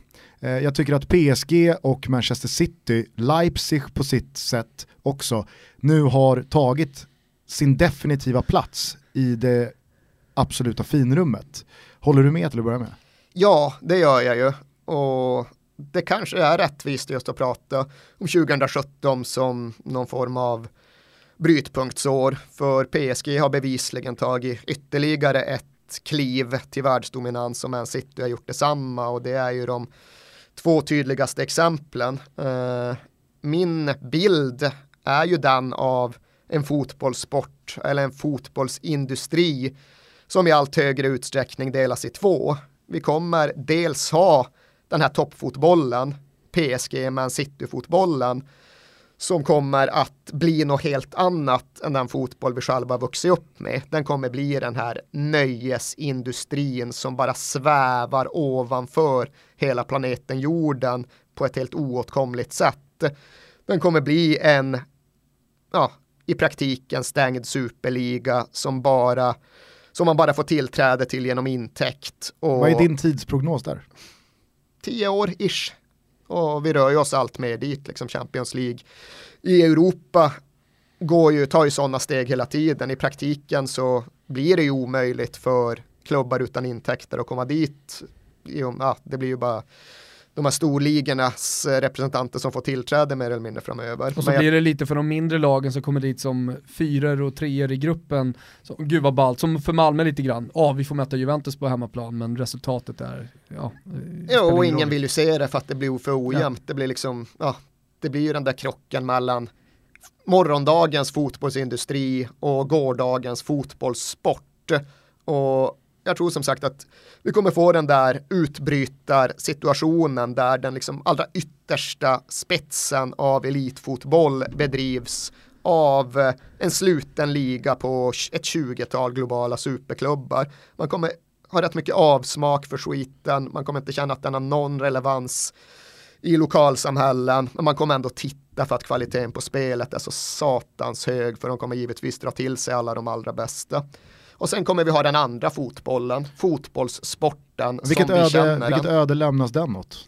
Ja, den kommer nog kunna klara sig ganska bra ändå. Den kommer förbli rätt mycket densamma som vi har vuxit upp med. Det kommer fortfarande vara den lokala kvartersklubben i Gröndal som inte kommer förändras särskilt mycket. Det kommer fortfarande vara den allsvenska arenan som inte kommer förändras särskilt mycket. Det kommer i någon mån även vara de lite mindre klubbarna i England, Spanien och Italien som har sin egen nationella liga.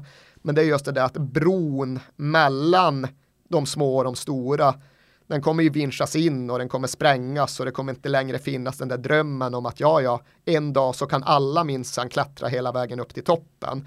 Det kommer ju vara antingen praktiskt eller teoretiskt omöjligt. Antingen stänger de skiten och verkligen understryker att den här bryggan finns inte längre. Eller så är det bara praktiskt omöjligt för att det inte går att klättra längre i fotbollshierarkin. Du, du nämnde det där, eh, bara kort, eh, med allsvenskan. Nu följer jag allsvenskan som supporter. Vad, befinner sig svensk fotboll i klubbfotboll där? Ja, den är ju ovanligt hälsosam, för det är ju jävligt många inte bara, väst, inte bara europeiska ligor, globalt sett är det ju väldigt många nationella ligor som är smärtsamt nära att tappa sin relevans. Jag nämnde att jag var i Slovakien här om veckan och såg på fotboll och den ligan är ju stendöd. Slovan Bratislava har ju tusen pers på matcherna eh, i snitt och Rumänien likadant. Varenda liga i hela Östeuropa, ja. de lever upp ibland när det är något derby, men just det generella publiksnitt ryktet och det generella intresset existerar ju inte och då ska vi inte ens prata om till exempel de nationella ligorna i Afrika. De förblöder ju fullständigt för att alla jävla sitter på den lokala baren och ser på Premier League istället. Så i den jämförelsen är ju allsvenskan oerhört hälsosam för att den har lyckats slå vakt om sitt egen värde. Det går att titta på allsvenskan utan att eh, hela tiden jämföra den med fotbollen som Real Madrid spelar, för det är en helt irrelevant jämförelse. Jag tycker ju att det är skittråkigt att det inte längre kommer vara möjligt för Malmö FF att möta Real Madrid på jämna villkor, att det faktiskt blir en tävling i den mån de spelar. Men jag tror inte den utvecklingen går att hejda. Jag tror att det kommer vara en morgondag där den svenska fotbollen får lov att hitta ett sätt att existera utan drömmen om att IFK Göteborg ska vinna Uefa-cupen igen. Nu är det klart att Östersund i Europa League är någon form av motargument mot det. Eh, men för att svara på frågan så tycker jag att allsvenskan totalt sett mår jättebra, är jättesund, eh, har en framtid i just det här att folk ser den som en tävling i sig. Det finns inte ett behov av att alltid jämföra den med Premier League. Den klarar sig på egna ben och det gör mig både förtröstansfull och hoppfull. It'll be alright, liksom. den kommer klara sig fint. Jag tänker också att eh, det idag verkligen är så att Europa är epicentrum och det finns någon slags närhetsprincip att applicera på fotbollen. Men jag kan ju heller inte bortse från att det finns ett USA eh, och ett MLS som såklart aldrig nöjer sig med någonting annat än att gå framåt. Och med alla de miljarder som har pumpats in i den kinesiska och den asiatiska fotbollen så, så är det väl klart att de också vill ta mark. Kommer de att göra det tror du? Alltså min bild av den här superligan av imorgon är ju att den är global. Det är inte att den är begränsad till de klassiska västeuropeiska storklubbarna, utan det kommer ju vara tio västeuropeiska superklubbar, men det kommer också vara en handfull MLS-klubbar, det kommer vara en handfull kinesiska klubbar, det kommer tveklöst vara några klubbar från Gulfstaterna och det kommer väl också vara några klubbar från de liksom, demografiskt starkaste nationerna i Sydamerika, Brasilien kommer göra några representanter, kanske kan vara en sydafrikansk klubb och det kanske kan vara någon från Australien lite halvt på nåder. Men jag tror verkligen att den tävlingen kommer att vara global. Sen är väl Ja, det finns många frågetecken där kring. Nu inser jag att jag pratar hypotetiskt om en spekulativ framtid imorgon, men till exempel Gulfstaterna har ju redan gått in så tungt på den västeuropeiska fotbollen att de kanske driver i den riktningen istället. Det var någon som gjorde observationen häromdagen, vilket var jävligt talande, att titta på oddsättningen kring vårens Champions League-favoriter och dra strecken däremellan. PSG och Man City ses efter lottningen som någon typ av huvudfavoriter. Ja, PSG, Qatar, Man City och Abu Dhabi, det vet vi. Bayern München fick en lätt lottning så de var någon typ av tredjehandsfavoriter. De har just tecknat ett eh, långsiktigt avtal med Qatar. Real Madrid givetvis där. Ja, de har sålt namnrättigheterna till nya Bernabeu till Abu Dhabi. Barcelona var såklart där, ja, de har just gått ur ett eh, långvarigt samarbetsavtal med Qatar. Så liksom alla de största Champions League-favoriterna har täta band till Gulfstaterna redan nu och det säger jävligt mycket om vad som får den yttersta toppfotbollen av idag att snurra. Qatar-VM om fyra år också. Ja exakt. Eh, ja, men på, på, på det, tror du att den här framtiden, kallar det dystopi om man vill, eller jag tror att det är få som kallar det för en utopi, det är faktiskt ett av de mer omtumlande fotbollssamtal jag haft under 2017. Det var bara här om veckan i Viasat-studion när vi hade någon diskussion just om de mindre klubbarnas möjlighet att konkurrera. Och, det var du och Bojan? Exakt, det var Bojan som var av avsikten att ja, men de mindre klubbarna ska inte kunna konkurrera. Det blir tråkigt med de mindre klubbarna som stökar till det. Det är trist när Leicester City vinner ligan för det innebär att eh, storklubbarna har underpresterat och i framtiden så vill jag helst slippa eh, sådana scenarier. Och det var så jävla mindblowing för mig att Bojan, som jag givetvis håller jäkligt högt och respekterar, kan resonera på det sättet. Jag hade tidigare inte trott att det var att det, var, att det förekom. Ja, man märkte ju tydligt, eh, jag, jag tror jag sett det tre gånger, man märkte tydligt att du blev förvånad. Nej, verkligen, var, fortfarande kanske. Liksom. Hur var efterdiskussionen där? Ja, jag... Menar du det här Bojan? Ja, men alltså, du snackar ju om att Hugo om 30 år ska prata om Real Madrid-matchen med ditt framtida barnbarn, alltså hans son eller dotter. Jag menar, Leicesters ligaguld, det är, det är en av ytterst få saker som jag vet att jag kommer bära med mig med värme och prata om. Ja, men I och med att det händer så sällan nu, numera också så, så, så ja, blir ju de stunderna extra stora. Ja men det är ju en outtömlig källa av hopp och kommer ja. så få vara i resten av mitt liv. Det är ju så jag ser det, det är så jag liksom trodde att alla såg det men Alltså inga jämförelser i övrigt, men jag tänkte liksom tillåta mig någon form av drastisk metafor bara för att försöka förklara hur jävla omstörtande det var för mig. Och det är ju liksom bara kring världen i stort. Alla är överens om att folk inte föds med samma förutsättningar. Och då är liksom min idé att alla ändå i grund och botten tycker att det är fucked up och vill göra någonting åt det. Sen kan man komma politiskt från vänster och ha den typen av idéer kring hur man bör jämna ut eh, världen. Och sen har jag med åren vuxit upp och insett att även människor som kommer politiskt från höger i grund och botten vill göra världen lite bättre och lite mer rättvis, men de har en annan eh, idé om hur vi ska uppnå det. Men liksom idén om att vi tycker det är bra med ojämna förutsättningar. Vi tycker det är bra att eh, de som har mycket ska ha mycket även framöver och de som inte har det, de ska fan hållas på sin plats. Det är liksom Robin liksom Hood reversed. men just att man kan i ett fotbollsperspektiv tycka att no, men fan, de små, de ska jävlar inte ha några möjligheter att konkurrera. Det blir för trist med de där icke-namnkunniga jävlarna som kommer och stökar till det. Att, som sagt, att man kan ha den åsikten, det var så jävla mindblowing för mig.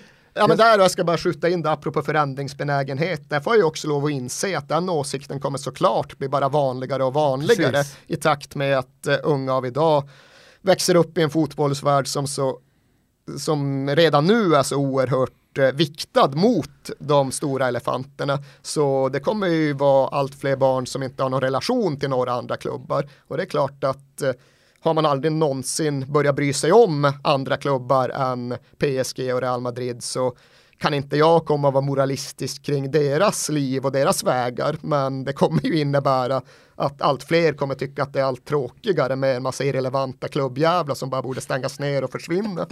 Det jag skulle landa i var två frågor. Eh, ett, tror du att eh, den här framtiden och prognosen för klubblagsfotbollen kommer göra landslagsfotbollens roll viktigare?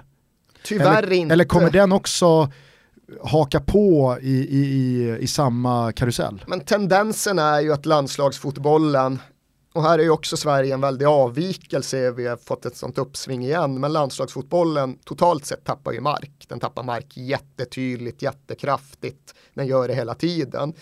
Och det finns ju försök till motrörelser kring det. Det liksom finns det jävla Nations League som jag knappt fattar hur den ska fungera och så vidare. Och det finns fortfarande mästerskapen som engagerar och entusiasmerar på ett väldigt tydligt sätt.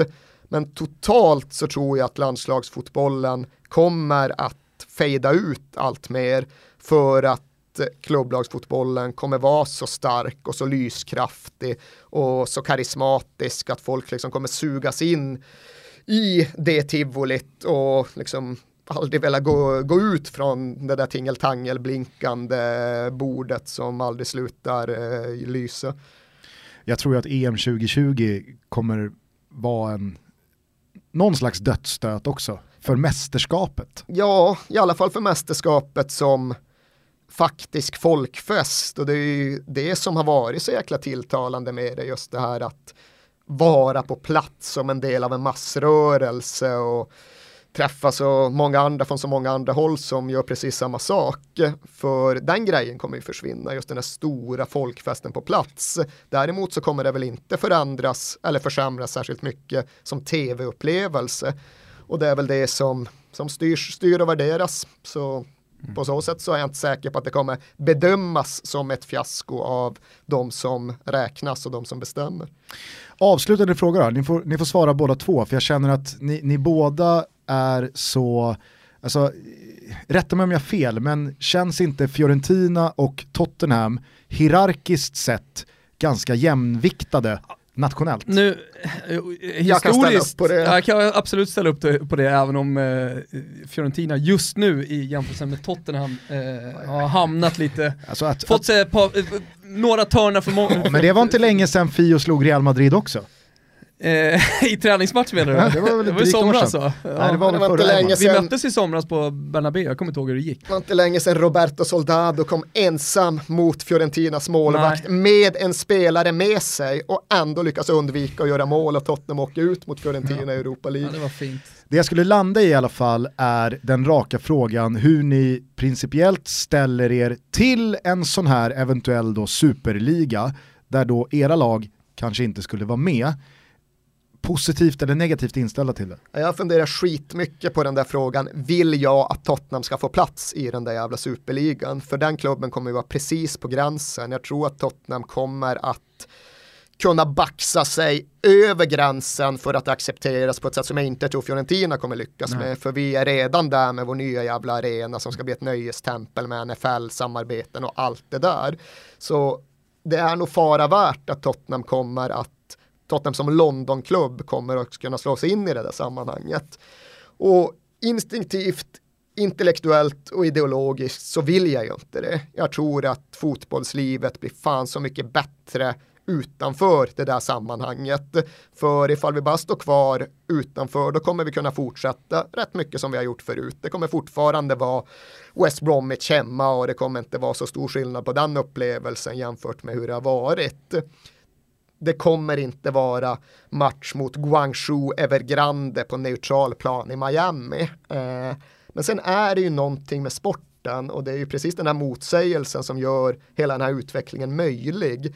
Det finns ju alltid, alltid en lockelse och en strävan uppåt att hävda sig, att göra bättre, att tävla mot de bästa. Det är till exempel det som gör att allsvenskan inte bara kan stänga portarna och säga men skit i den europeiska toppfotbollen, vi kör själva, utan både publik och framförallt spelare vill ju alltid uppåt. Man vill vara med i 100 meters finalen ifall man nu är en sprinter. Fast man, har du, har du den, ja, alltså jag har den uppfattningen att SM-guldet är liksom the Jo, men, thing. men titta Ja, men är även inte- på Djurgårdssupportrarna hur de firar när de, tar, när, när de kommer ut i Europa. Alltså, eh, jag vet även Norrköpingssupportrar som jag känner väl, som liksom, ja, det, det största som har hänt. Självklart var det SM-guld, ett SM-guld är ett SM-guld och det tror jag liksom för, för Tottenhams del att vinna Premier League kommer, kommer fortsätta att vara extremt eh, viktigt. Men eh, att bara komma ut och mäta sig eh, i, i Europa gör någonting med en som supporter och jag tror att det är just den grejen som du är inne på. Jo. Att hela tiden utvecklas, att hela tiden ta sig framåt. Och det är ju också något av det allra mest förödande med en situation där ligor och sammanhang är stängda. Att det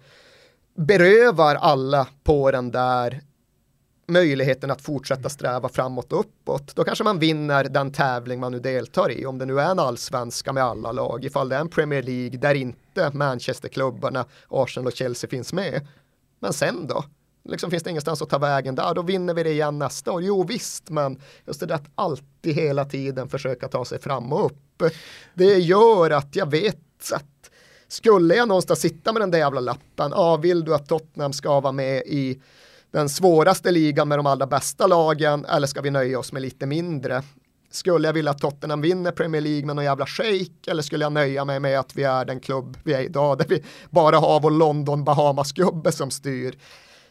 Alltså i grunden det är så jävla försåtligt med fotbollen, med idrotten att man alltid kommer vilja tävla högst upp. Samtidigt så tänker jag ju på alla liksom Fiorentina, Toulouse, Toulouse? ja men Getafe, alltså så här, alla lag som inte har, alltså de, Som blir irrelevant. de slåss ju inte, alltså Premier League känns idag, för sex lag så handlar det om en ligatitel.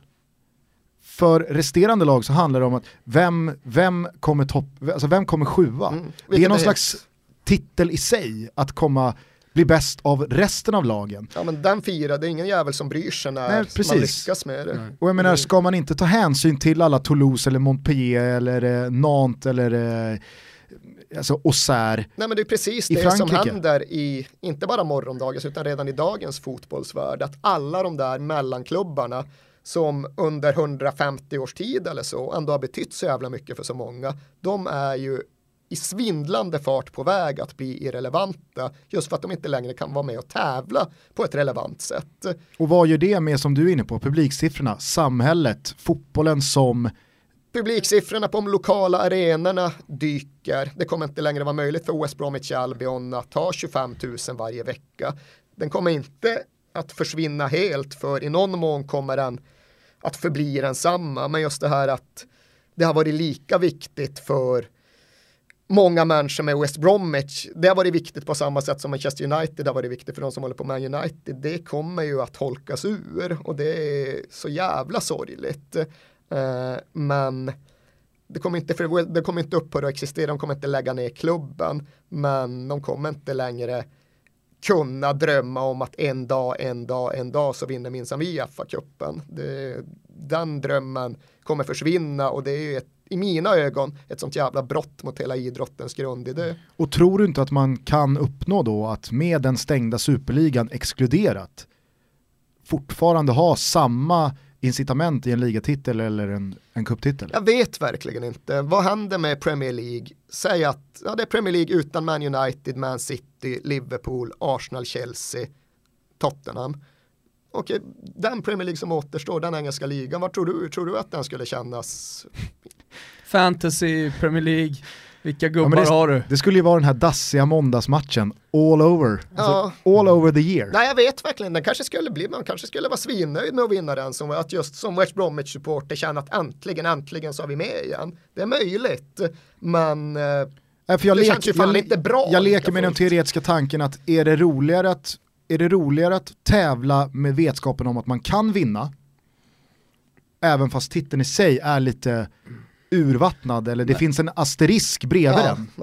Nej. Eller är det roligare mm. att veta att det går inte? Men, eh, när, när, jag, när jag funderar på det här och går tillbaka, så när har jag haft roligast som supporter? Det finns såklart toppar, det finns eh, bortamatchen mot Kiev när vi säkrade en, en Champions League-titel och då gått från inte att... Inte titel va? Nej förlåt, Champions League. Länge sedan Kevo var i en Champions League-final. Vi säkrade fjärdeplatsen eh, och, och tog, ja, det stod klart eh, där och då i alla fall efter matchen att eh, vi hade gått från att inte ha bollnät på några år att eh, ta oss hela vägen till Champions League. Sen vaknade man upp tre dagar efter till tidningsrubriker om att Diego Della Valle var inblandad i Calciopoli. Så vi, vi, ja, de tog ifrån oss eh, Champions League vad det led. Men eh, det, det var såklart en topp, Torino borta var en topp när vi lyckades lyckades komma före Milan också ta sig in i, i Champions League. Men om jag ser över liksom de, de längre sjoken eh, när jag varit på plats som supporter så eh, är min, mitt absolut bästa år och det är inte så här romantiserat eh, eh försöka att vara kreddig på något sätt utan det, det, det, roligaste året som jag har haft som Fiorentina-supporter det är när vi var i Serie B. Det, det var, för då var det fortfarande en annan fotboll. Det hade det varit i Serie A om man säger året efter Eh, så var det fortfarande så i, i Serie A också, att man kunde verkligen leva ut sitt supporterskap. Sen började, man märkte då att det började bli mer och mer stängt. Det var svårare att vara supporter eh, i, i, inom den italienska fotbollen och, och med, med, allt vad det innebär, liksom, att, att visa känslor och eh, att, att det fortfarande liksom var, var en öppen liga för supporterna. Eh, sen kom supporterpass och vändkors och förfilter, efterfilter och allt möjligt eh, och, och, då togs väldigt mycket, i alla fall från mig, bort och jag vet att alltså, man, man säger att den italienska fotbolls eh,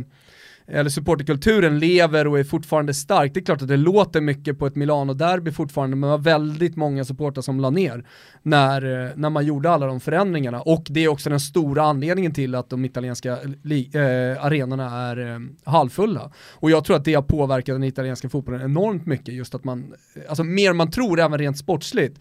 Eh, man kan tala om att eh, det, det, det, är för mycket utlänningar i ligan, man satsar inte på de, eh, de unga talangerna. Ja, det är också viktigt, men jag tror även det här har påverkat rent sportsligt. Eh, men, men återigen, så här, ska man svara på frågan, vill jag att Fiorentina ska vara där? Jag hade nog ställt mig som Erik, jag hade förmodligen valt också att vara och slåss bland de största.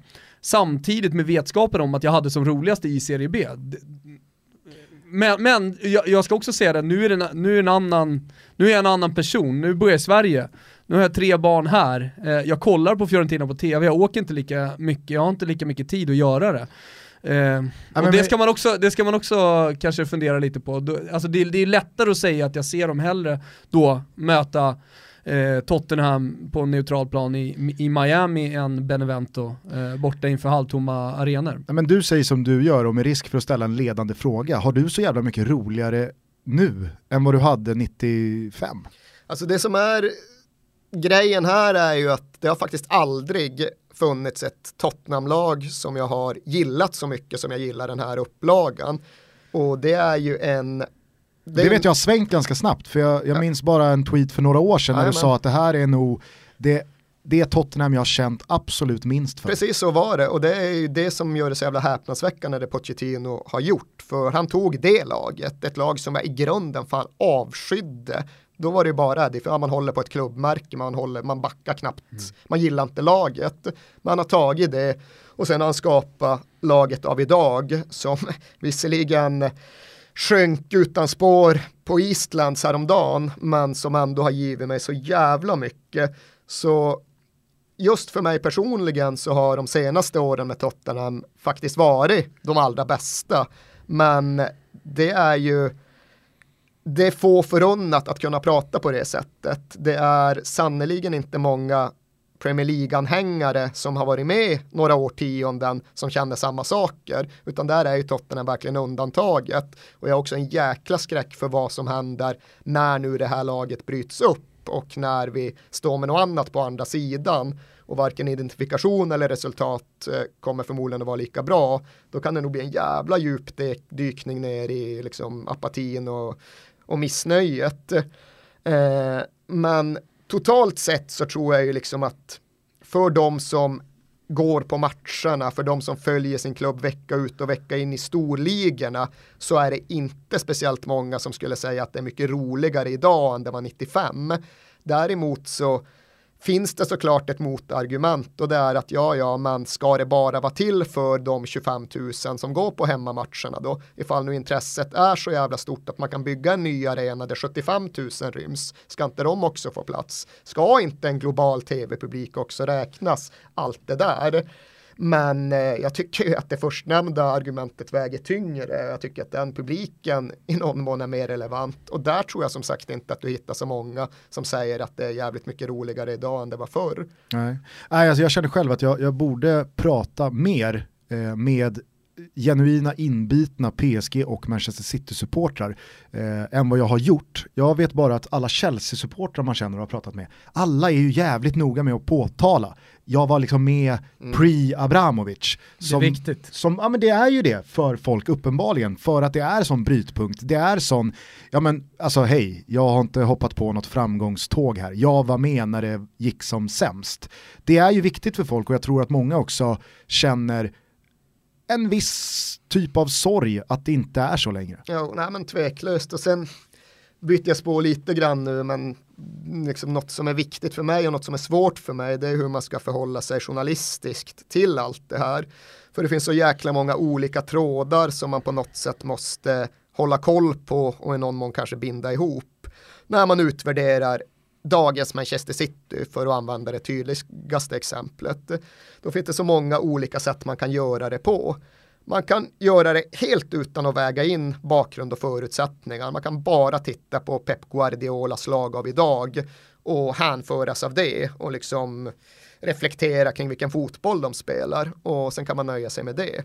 Man kan dra det ett steg längre och istället utgå från vilka förutsättningar Pep Guardiola har fått, hur mycket pengar han haft till sitt förfogande, hur stort manöverutrymme det har givit honom. Man kan naturligtvis därefter dra det ytterligare ett eller flera steg längre och börja fundera kring vart de där pengarna kommer ifrån, eh, ifall de borde vara tillåtna inom fotbollen, ifall man måste förhålla sig till deras ursprung varje gång man ser Kevin De Bruyne dominera och styra en match.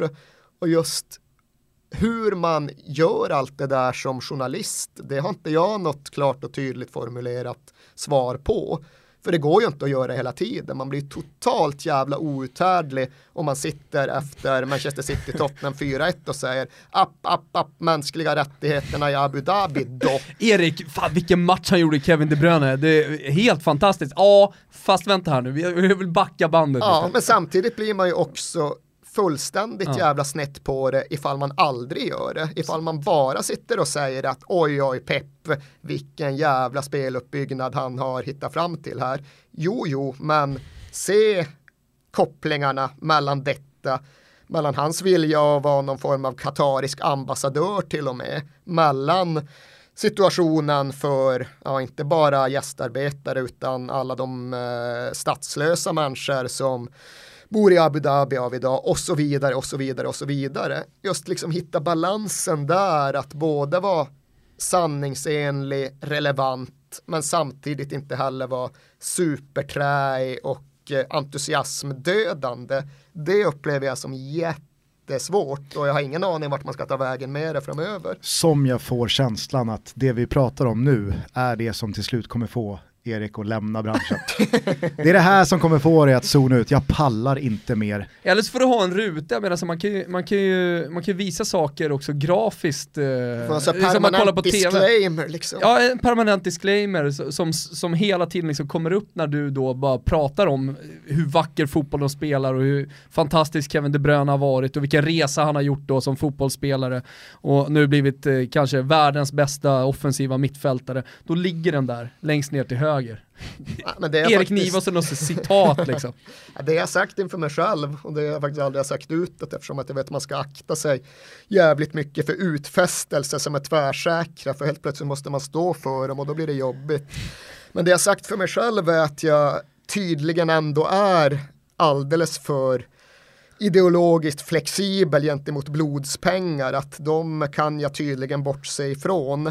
Men jag har just sagt det att den dagen de jävlarna stänger toppfotbollen, den dagen det blir just superligan som man inte kan kvalificera sig för sportsligt, som kommer just utgå från intäkt, då skiter jag i det. Den tävlingen kommer inte vara intressant för mig att bevaka. Den tävlingen är någonting som jag kommer vända mig emot även om Tottenham deltar. Så det har jag just känt att är det det som blir morgondagens Champions League då kommer jag inte vilja jobba med den. Uh, nu ska jag inte hamra fast det med tvärsäkerhet för som sagt där står man. Men så känner jag. Du står i T-korsningen där med den liljevita mössan på dig. ja, jag, kommer gå, jag kommer gå och titta på Tottenham även om de spelar där. Men just att jobba med det, ha det som någon form av livsverk, vilket jag ju ändå ser fotbollsjournalistiken som, hur pretentiöst det är en mål åtta. Det kommer jag inte längre kunna försvara för mig själv eller få ihop. Det är det är som sagt, jag vet inte fan, saker förändras, människor förändras, förutsättningar förändras, men så känner jag nu. Stänger de jävlarna ligan, dödar de det sportsligt spännande i det, då är det inte längre min fotboll, då ska jag inte jobba med det. Gusten, hur ställer sig Toto Balutto? Ja, men, eh, alltså, Om du får bestämma. Vi, tar väl vi är ändå två, vi måste ju enas här. Vi, vi tar väl alltid rygg på Niva. Säger Niva att det är över, då är det över. Ja, då är den fotbollen över, men så, det kommer finnas två fotbollar. Och då går vi ner till ett avsnitt i veckan. Det är det vi får göra då. Tanken från början var ju att eh, vi bara skulle köra ett avsnitt den här gången med Erik. Vi hade ju lovat honom dyrt och heligt att eh, den här gången blir det ingen monstersittning. Men Niva är ju Niva och ni hör ju själva här efter eh, nästan en och en halv timme att han är fantastisk. Det går ju inte att sluta prata. Så att, eh, han är ju medskyldig i detta ska ja, sägas. Kanske så är han MVP i varför det blev som det blev. Ja. Nej, men vårt samtal blev nästan tre timmar långt och därför väljer vi att nu ta en liten paus. Eh, och sen så hör ni del två av våran årssummering av 2017 i övermorgon. Så, så att eh, vi kan väl eh, bara ta en liten eh, härlig låt att eh, avsluta den här första delen med. Vad tycker du? Ska vi köra Happy New Year med ABBA eller? Ja, kör. Ja. Eh, rulla igång Björn och Bennys eh, gamla fina alster som egentligen är en skilsmässolåt va? Nej, fan det är The Winner Takes It All. Det är en skilsmässolåt. Vi lämnar det där. Ja, ja hörni, eh, gott nytt år. Hoppas ni hade en fin nyårsafton igår. Ni hör eh, vårt samtal eh, tas i mål här eh, på onsdag. Ciao tutti. Ciao.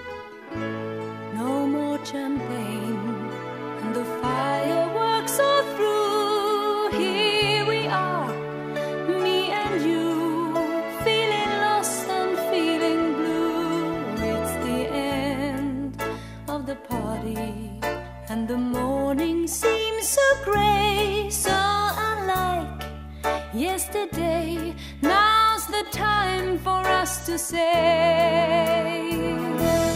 Happy New Year,